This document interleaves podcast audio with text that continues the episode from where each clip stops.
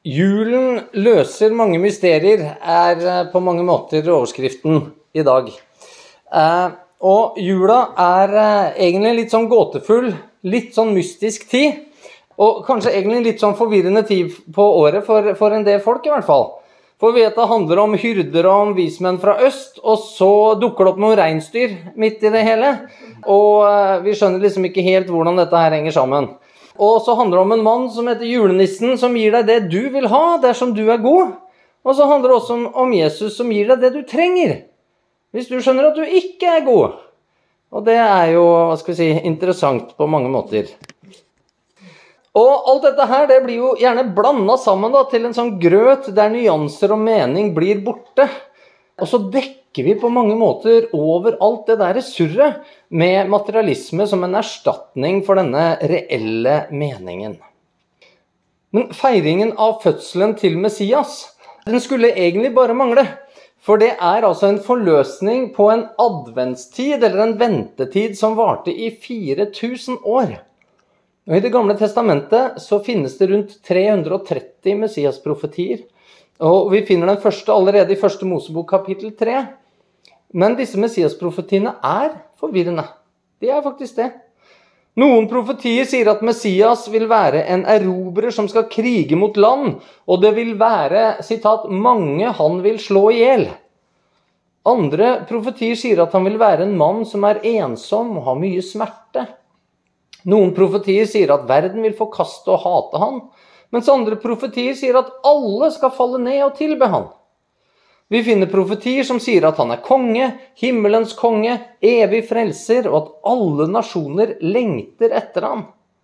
Mens andre profetier sier at han ikke har noen skjønnhet, at mennesker vil synes han rett og slett er stygg, og at de vil mislike ham. Han er en slave, blir beskrevet som det, blodig, lidende og døende tjener. Mens andre profetier forteller at han vil stå opp fra de døde og regjere som konge. Han skal altså sitte på Davids trone og være Israels konge. Men han skal også føre rett ut til hedningene, folkene, og han skal, hans pris skal altså synges på fjerne kyster. Det virker rett og slett som at dette ikke kan omhandle samme person. Messias betyr 'den salvede'. En som er salva, er en som er gjort klar til en helt bestemt og en viktig oppgave. Eh, og det var særlig prester og konger som før eh, de ble, tok fatt på denne oppgaven, denne gjerningen de sto i, ble salva for oppgaven. Og Messias han er profetert å ha den viktigste oppgaven i menneskets historie. Han skal knuse slangens hode. Være en velsignelse til alle folk. Bli gjort til en forbannelse for å gjenløse mennesker. Han skal føre inn all rettferdighet. Han skal kurere syke og vekke opp døde. Han skal få et evig kongedømme. Men selv skal han dø.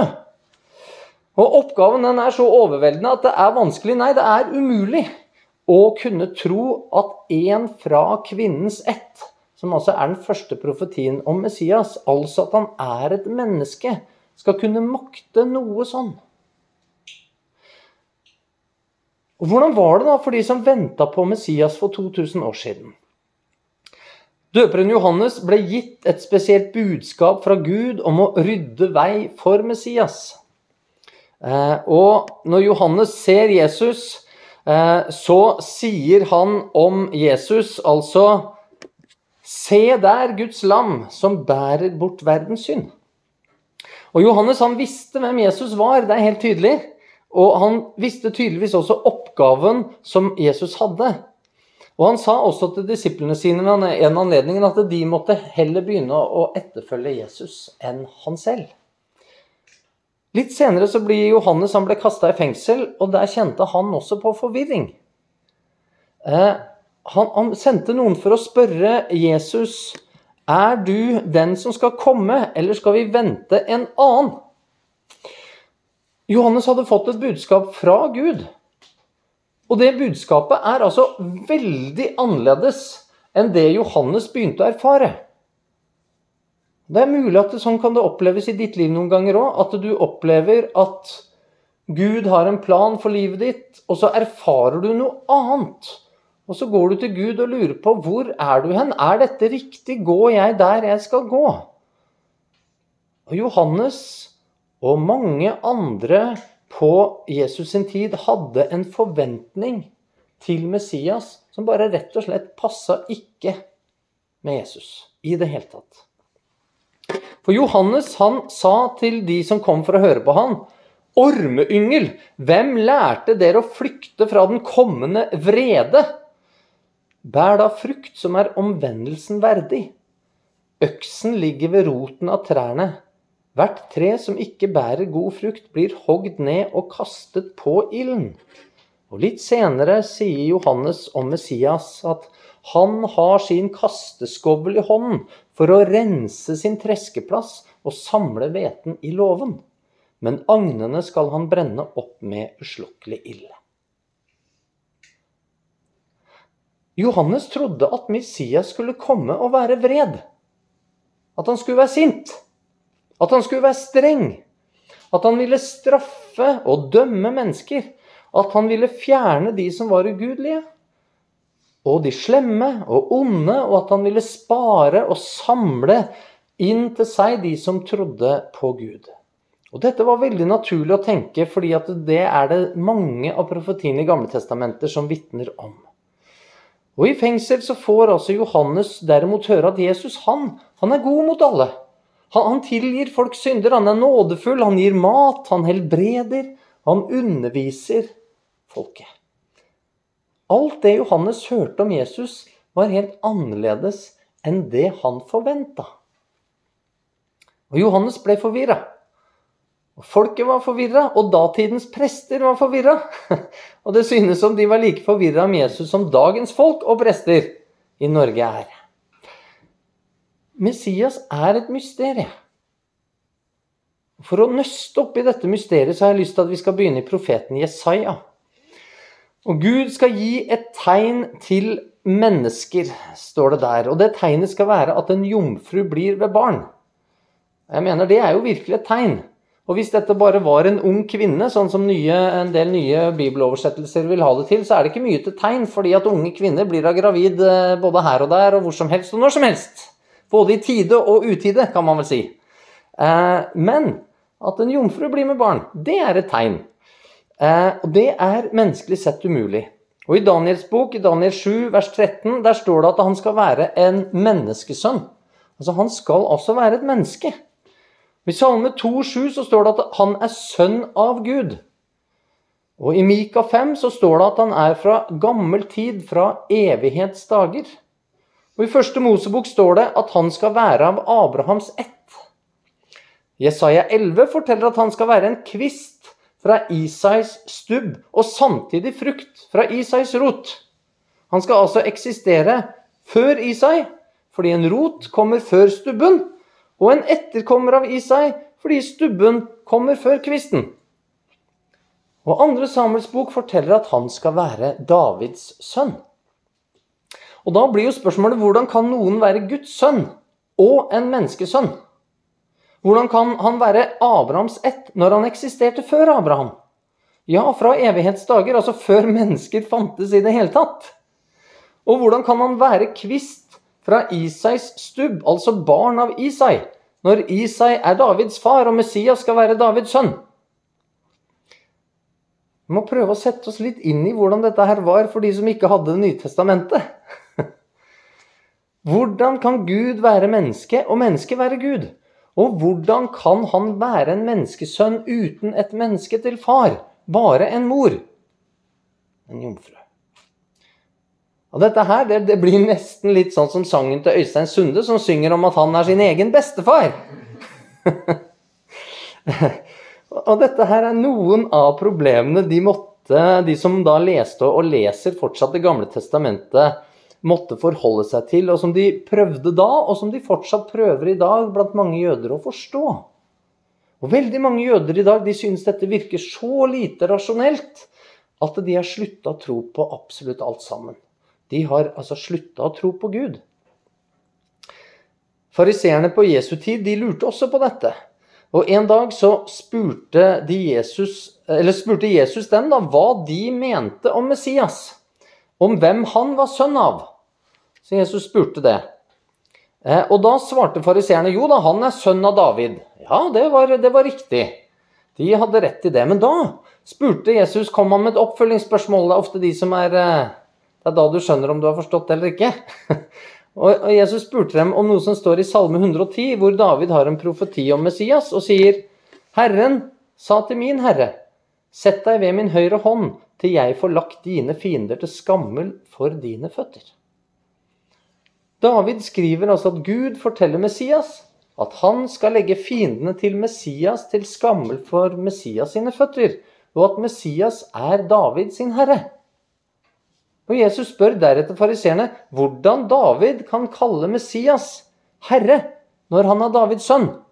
For dette er helt utenkelig på den tida at en som er etterkommer, eller en som er sønn av noen, skulle kalle sin, altså at faren skulle kalle vedkommende herre.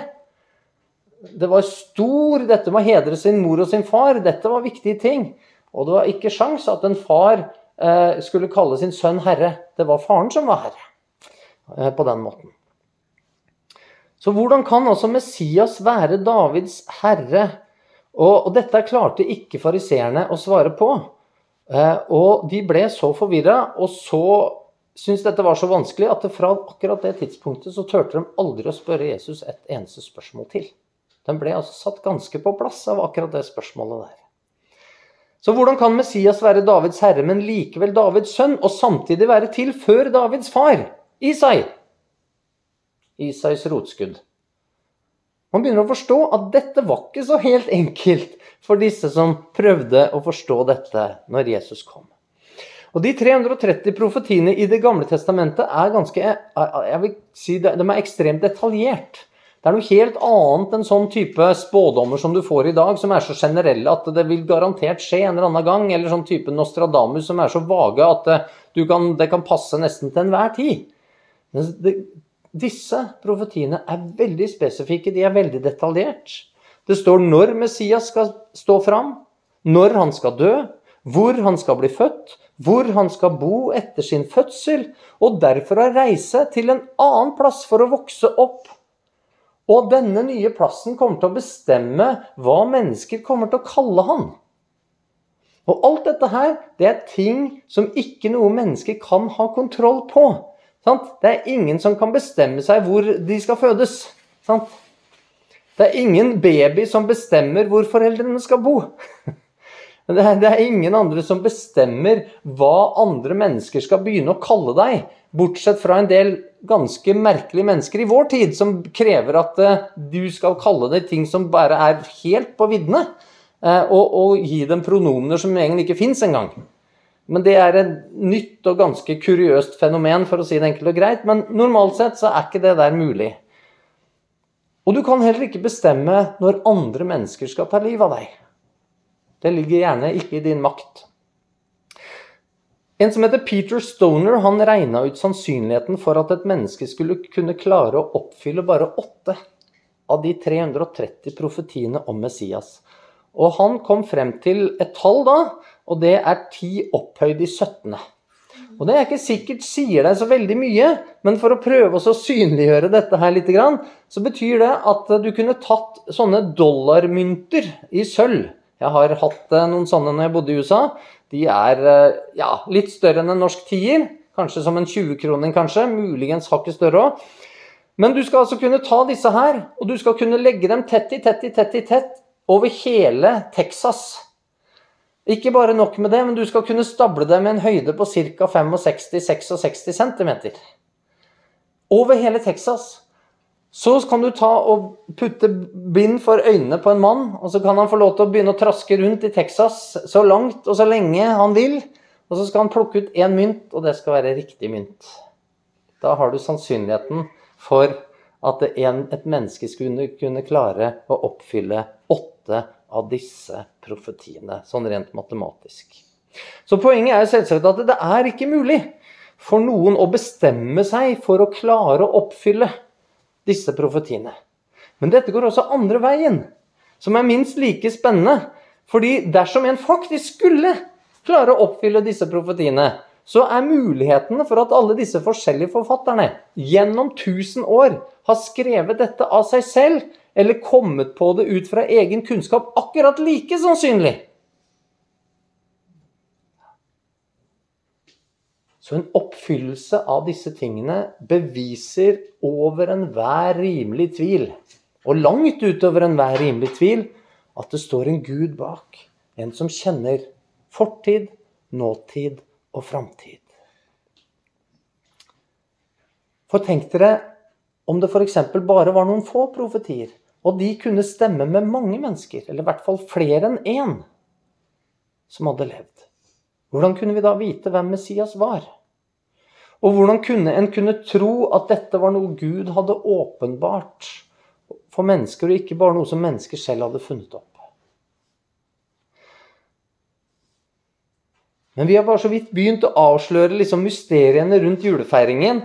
Og de som levde for 2000 år siden, de visste at Messias han skulle komme fra Juda sin slekt. Og det får vi vite første gang i første Mosebok, kapittel 49, vers 10, hvor Jakob han kommer med en profetisk velsignelse over sine sønner.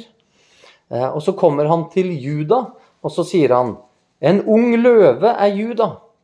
Fra rov er du steget opp, min sønn. Han bøyde seg, han legger seg ned, som en løve, som en løvinne. Hvem tør vekke han?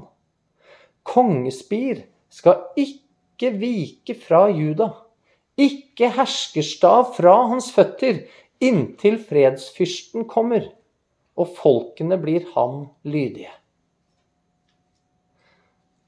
Fredsfyrsten vil være løven av Juda. Men Juda han skaper selv store problemer umiddelbart for at dette her skal kunne skje. For i første Mosebok kapittel 38, 24 så leser vi dette. Tamar, svigerdatteren din, har drevet hor, og nå er hun også blitt med barn i hor. Juda sa da, før henne ut, hun skal brennes. For den som kjenner historien, så vet man at Tamar hadde vært gift med en sønn av Juda, og han døde. og Han hadde fått enda en sønn av Juda, og han døde osv. Og, så og nå begynte kanskje Juda å tenke at det hviler en forbannelse over denne dama her. Så han var ikke villig til å gi den neste sønnen til henne som mann, som skikken var på den tida. Og Det betyr i praksis at Tamar ble tvunget ut i prostitusjon for å klare å overleve. Hun hadde ingen mann til å forsørge seg, hun hadde ikke noen eiendeler, ingen jorder, ingenting. Så det ble enten å tigge eller på annet vis prøve å forsørge seg. Og så hadde altså Tamar fått et problem, for hun var blitt gravid. Og det å bli gravid uten å være gift, det var det dødsstraff for på den tida. Og så var det jo likevel da ikke helt tilfeldig hvem hun hadde latt seg bli gravid med. Og kvinner har jo gjerne en liten peiling på når det er mulig å bli gravid og ikke. Eh, og tilfeldigvis så hadde i hvert fall dette blitt slik at eh, hun hadde tatt vare på noen ting som tilhørte barnefaren. Og så sier hun dette. Det er ved den mannen som eier dette signetet og disse snorene og denne staven, at hun var blitt gravid, altså. Og Juda han kjente det igjen og sa hun har retten på sin side, ikke jeg. Så Juda er altså selv den som har gjort sin svigerdatter gravid, uten da å vite at det var henne, for hun skjulte seg osv. Men det er ikke noe tvil om at det hykleriet til menn som er villige til å drepe en kvinne når de selv er de som er ansvarlig for det, og som Gud også har gitt ansvaret for at sånne ting ikke skal skje, det er slik at man kan få ganske stor sympati med feminister. For dette her, det er hykleri over enhver Altså det, det høyeste hykleri du kan egentlig ha, hvor du er villig til å drepe andre. Når du sjøl er akkurat ja, like skyldig, eller for å si det på sånn, innenfor Gud er du mer skyldig. Som mann er du mer skyldig. Tamar var smart, og derfor så berga hun livet, og hun berga dermed slektstreet til Jesus. Men dette med Tamar det skapte mange flere problemer.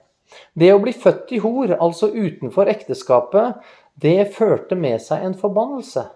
Eh, og den kan vi lese om i 5. Mosebok, kapittel 23, vers 2. Ingen som er født i hor, skal være med i Herrens menighet. Selv ikke hans ett i tiende ledd skal være med i Herrens menighet. Og dette er faktisk et stort problem. For Messias skal altså komme fra Judas sin slekt, og kommer altså her via Juda, som har altså fått barn med Tamar utafor ekteskapet. Og nå er hele denne slekten, som altså er Messias sin slekt, under Guds forbannelse. De får faktisk ikke engang være en del av Guds menighet. De får altså ikke ha noe samfunn med Gud i en sånn, i hvert fall kirkelig om du vil, eller tilbedelsesforstand sammen med resten av folket. Dette her er store problemer. Fordi Gud han bryter faktisk ikke sine egne bud. Det hadde vært trøblete. Og her har altså mennesker satt Gud i en liten kinkeposisjon, om du vil si det sånn. Men la oss se på noe fascinerende. Nå skal vi se på Jesu ettertavle fra Abraham til David. Og Der ser vi at Juda han er far til Peres, som er far til Hesron, som er far til Arni, som er far til Admin, som er far til Aminadab og Nakshon og Salmon og Boas og Obed og Isai og David. La oss telle. Skal vi se. Peres 1. Hesron 2, Arni 3, Admin 4, 5, 6, 7, 8, Obed 9, Isai 10. Isai 10. Ti generasjoner går det mellom Juda og Isai. Og når David blir født, så er forbannelsen over. David han er nå fri fra denne forbannelsen, som hadde flekket til Judas sin slekt, og han kan dermed bli konge og en del av Guds menighet uten at Gud har brutt sin egen lov. Når du ser på denne slektstavla, hva er det som er spesielt med den? Jo, det er jo bare menn her. Eh, og det vet vi, sånn funker det ikke. det, det, kreves noen damer òg, men det, det, var jo helt vanlig på denne tiden å bare skrive ned mennene. Men i Matteus kan vi lese om Jesus slektstavle, og der er det nevnt fem kvinner. Og dette er jo veldig spesielt. Og det som er enda mer spesielt, er jo hvilke kvinner som er nevnt. For det er Tamar, som var prostituert. Det er Rahab, Salomon sin kone, som også var prostituert. Og så er det Ruth, som var en fremmed, og som Gud hadde forbudt israelske menn å gifte seg med. De skulle ikke det. Og så er det i tillegg til Maria, Jesu mor, Batseba, som David gjorde mye galt for å få som kone. Og hvor også den førstefødte der er født i hor. Og bøter med livet for det. Eller David mister det pga. at han gjorde noe som var galt. Som vi ser, så kommer altså ikke Jesus fra noe perfekt slekt. Men dersom Messias skulle være menneske, så var det jo ikke mulig å komme fra en perfekt slekt. Og dersom Gud ikke kunne bruke syndige mennesker, så kunne han ikke brukt noen. For syndige mennesker, det er alt som fins. Og det er derfor Gud også kan bruke deg. Og han kan bruke meg. Og så kunne Gud ha valgt å, å skjule alle disse ufullkomne tingene for oss, men han gjemmer det altså ikke bort. Eh, han, han, taler sant, og han, han, trekker faktisk disse tingene frem i lyset på en spesiell måte. Og du kan altså forstå dette når du sammenligner med alle andre skriverier fra denne tiden, at dette er Guds ord og ikke menneskers ord. For i det minste så ville mennesker, hvis dette var mennesker som skrev, de ville prøvd å pynte litt på sannheten. Eller så vil de utelate det helt. Så har det også en annen side ved seg. Dersom Jesus sin slekt er så full av dårlige valg og feilbarlige mennesker, så er det altså håp for alle slekter på jorda. Gud viser oss gjennom Jesus sin slekt både at han fastholder sin lov, ja, det gjør han, men også at han har nåde, og at han tilgir. Men det er flere mysterier vi må løse. Messias han skal være konge, sier profetiene. Han skal sitte på Davids trone. Og etter David så kommer det flere konger i Jesu ettertavle, så det ser veldig lovende ut. Og så kommer vi til kong Jekonja. Og han er den siste kongen før Israel blir bortført til Babylon av kong Nebukaneser. Og Grunnen til at israelsfolket ble tatt til Babylon, var at kongene sluttet å følge Guds lov, Levde, altså folket levde seksuelt avvikende, begynte å drepe sine barn, ofre dem til avguder og drev i det hele tatt med avgudsdyrkelse. Og etter kong Jekonia, som levde da ca. 600 år før Jesus ble født, så har det aldri vært en konge som har sittet på Davids trone. Og Israel opphørte å eksistere som land i 2000 år. Og det er jo altså ikke noe konge i Israel i dag. Og hvordan i all verden skulle man i dag klare å finne tilbake igjen til hvem som var Judas stamme, nødvendigvis? Kanskje vi bør avlyse, avlyse jul, da? La oss lese litt om hva som står om Jekonia, eller bare Konja, da, som han blir kalt her i Jeremia kapittel 22, vers 24. Så sant jeg lever, sier Herren, selv om du, kong Konja av Juda, Jojakims sønn, var en signettring på min høyre hånd, ville jeg rive deg av. Jeg gir deg i hendene på den som står deg etter livet, og som du frykter, kong Nebukaneser av Babel og Kalderne. Jeg kaster både deg og din mor som fødte deg, bort til et annet land hvor dere ikke ble født, og der skal dere dø. Men det landet som de lengter etter, skal de aldri mer komme tilbake til. Så sier Herren, skriv denne mannen opp som barnløs. En mann med et mislykka liv. Ingen av hans ett skal lykkes i å sitte på Davids trone og igjen herske over Juda. Ja, det har gått i oppfyllelse. Det er helt sikkert. Jeremia som skrev dette, han levde samtidig med kong Konja. Og hva betyr dette? For Konja han var ikke barnløs. Men han fikk ingen barn etter seg på kongetronen. Gud har lovet at det aldri vil skje, og Gud kan ikke bryte sitt eget ord. Det står fast til evig tid. Kan Jesus da være Messias? For kong Konja han er også kjent som Jojakin, med N til slutt, sønn av kong Jojakim. Det kan være forvirrende, dette her, spesielt når du bytter navn og sånn på samme person. Men Konja er altså kjent som Jojakin. Og, og han er skrevet opp i Jesus sin slektstavle. Og dette er et problem. Motsier Bibelen seg selv? Kan vi ikke tro på det som står der?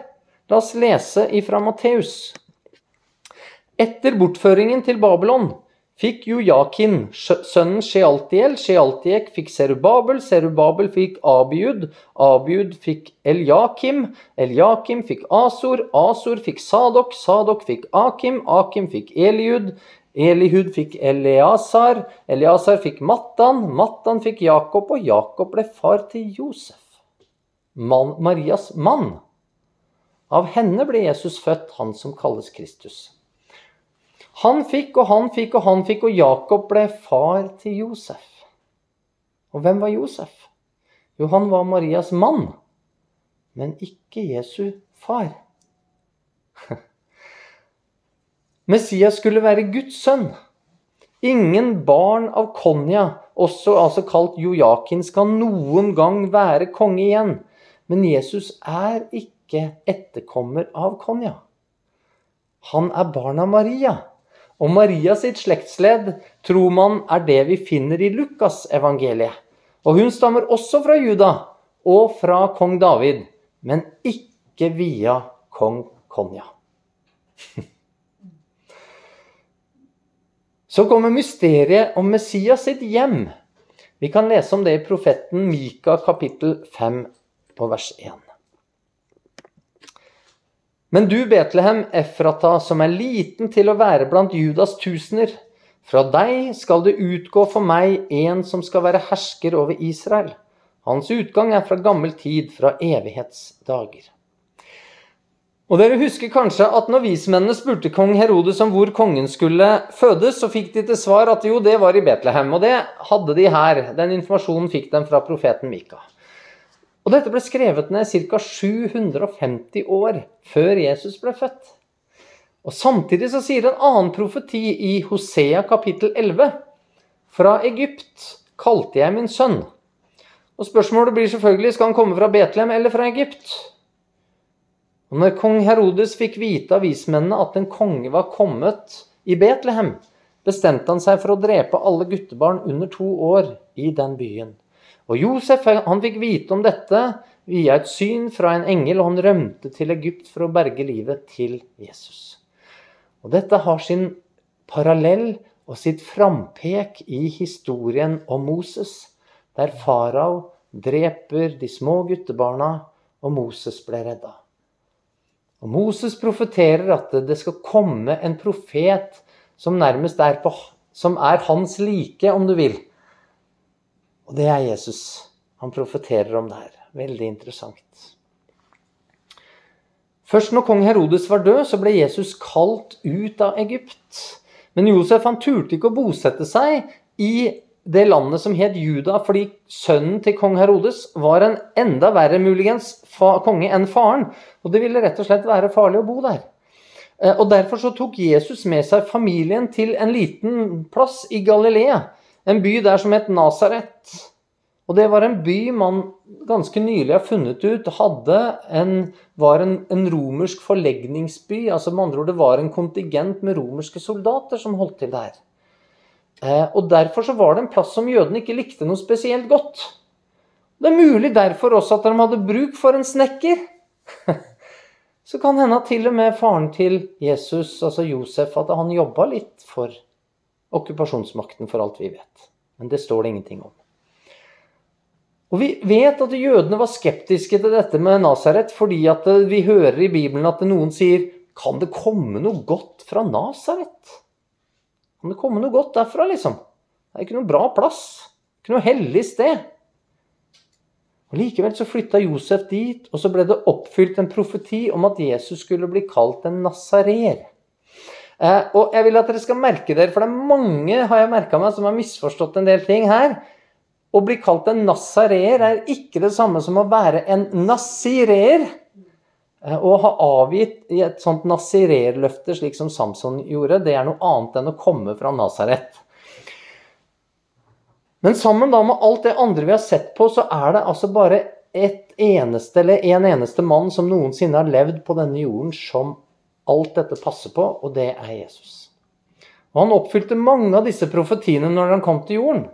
Eh, men profetiene forteller også at han skal være konge og at han skal krige mot land, straffe og dømme, komme med vrede, slik som Johannes døperen vitna om. Og Dette er kanskje en av de tingene og sannheten om Jesus som blir mest undertrykka i vår tid. At Jesus har en annen side ved seg også. For det er ingen i dag, virker det som, blant vårt presteskap som er villig til å snakke om at Jesus kommer i vrede. At mennesker som ikke er frelst, ligger under Guds vrede. Men disse tingene det skjedde ikke når Jesus vandra rundt i Israel. Og det er grunnen for at mange også i dag forkaster Jesus og ikke finner noen grunn for å feire Jesus sin fødsel. Og Bibelens budskap gir grunn for å feire advent også i dag. Fra Adam og Eva gikk det 4000 år før Jesus omsider kom, og nå har det gått 2000 år siden Jesus selv sa at han ville komme igjen for å dømme levende og døde. Da skal vi vende tilbake igjen til der vi starta i, eh, i, eh, i Jesaja. Eh, og i Jesaja kapittel, 6, nei, vers, eh, kapittel 9, vers 6, så står det Et barn er oss født, en sønn er oss gitt. Og Jeg vet ikke om du har tenkt over hva det der egentlig betyr. Et barn er oss født. Jo, det er et menneske. Det er et menneske som blir født. Men en sønn er oss gitt samtidig som et barn er oss født. Jo, det er en allerede eksisterende sønn som blir gitt. Som ikke blir født. Gud som ga sin sønn, Jesus, han er menneske og Gud. Og dette er en av disse plassene som egentlig vitner om det på en fin måte. Første gang Jesus kom, så ledet en stjerne veien. Og andre gang han kommer, så vil alle stjernene falle ned fra himmelen. Første gang Jesus kommer, så hadde vismenn med gaver. Neste gang han kommer, har han med gaver til sitt folk. Første gang han kom, så var det ikke rom for ham. Og neste gang han kommer, så vil ikke hele verden være nok til å romme hans herlighet. Første gang han kom, så var det bare noen få som fikk se han. Neste gang han kommer, så skal hvert øye se det. Første gang han kom, så var han en liten baby. Når han kommer igjen, er han suveren konge. Alle mysterier og gåter de faller på plass når vi ser hele bildet gjennom Jesus sitt komme som et lite barn og hans gjenkomst som konge. Og Det siste mysteriet vi skal se på, det finner vi i Johannes' åpenbaring, kapittel 5. Og Johannes har et syn av himmelen og Guds trone, og dette er jo det han ser. Og jeg så at han som satt på tronen, hadde en bokrull i sin høyre hånd. Det var skrevet både inni og utenpå den, og den var forseglet med sju seil. På Jesus sin tid så ville testamentet det ville være forsegla med syv seil, slik at ingen kunne åpne det uten at det eventuelt da ble eh, merka, og at det var kun den som hadde rett til å åpne dette, som kunne det. Og Gud holder en bokrull i sin hånd, og denne bokrullen er et dokument. Og det er nærmest å regne som et skjøte på en eiendom. Eh, den som rettmessig kan åpne dette dokumentet, er den som eier jorden og alt på den. Dette hadde Gud i utgangspunktet gitt herredømme til Adam. Og Adam han mista det da han synda mot Gud. Men Jesus, som blir kalt den siste Adam, har altså vunnet denne retten tilbake for å eie jorda Så er det altså overleveringen av dette eierskapet til jorda som Johannes får lov til å være vitne til her. Og Plutselig hører Johannes en stemme. Da så jeg en mektig engel som ropte med høy røst. Hvem er verdig til å åpne boken og bryte seilene?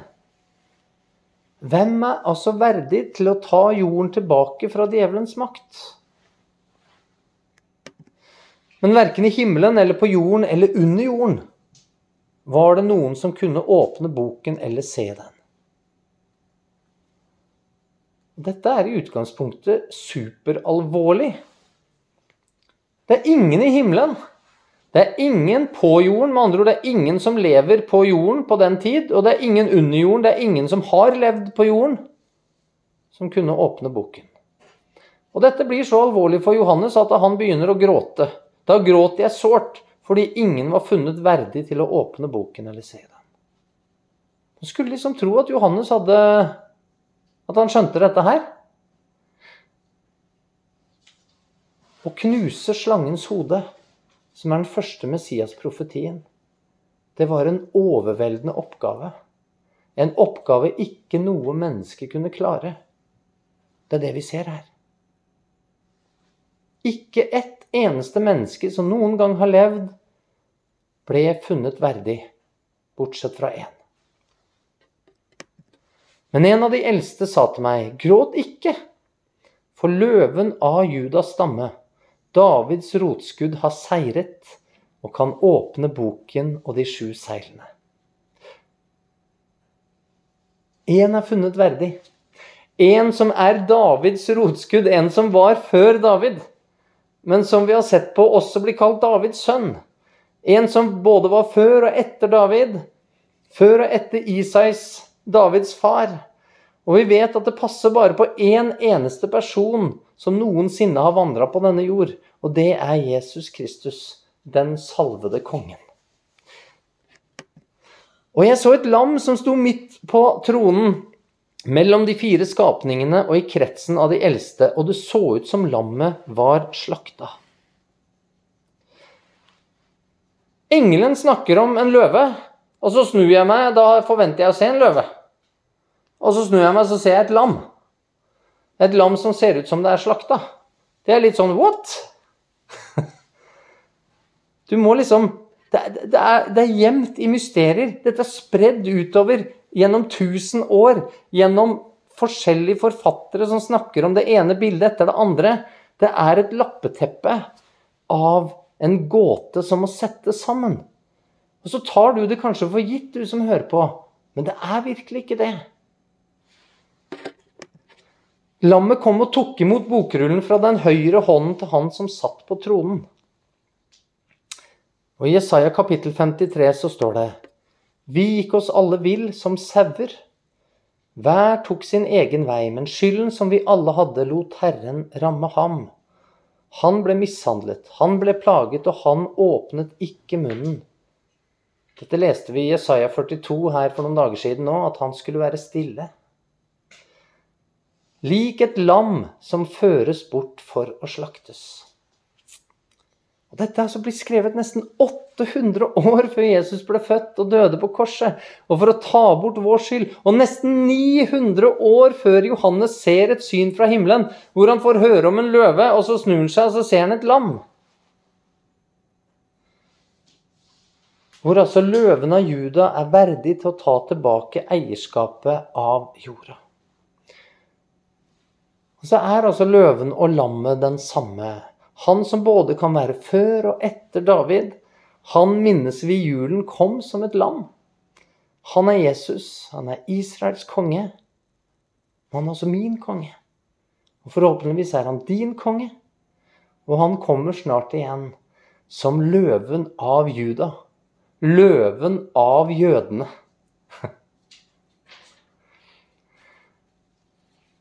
Ja, kjære Jesus, vi vil takke deg for eh, at du er funnet verdig.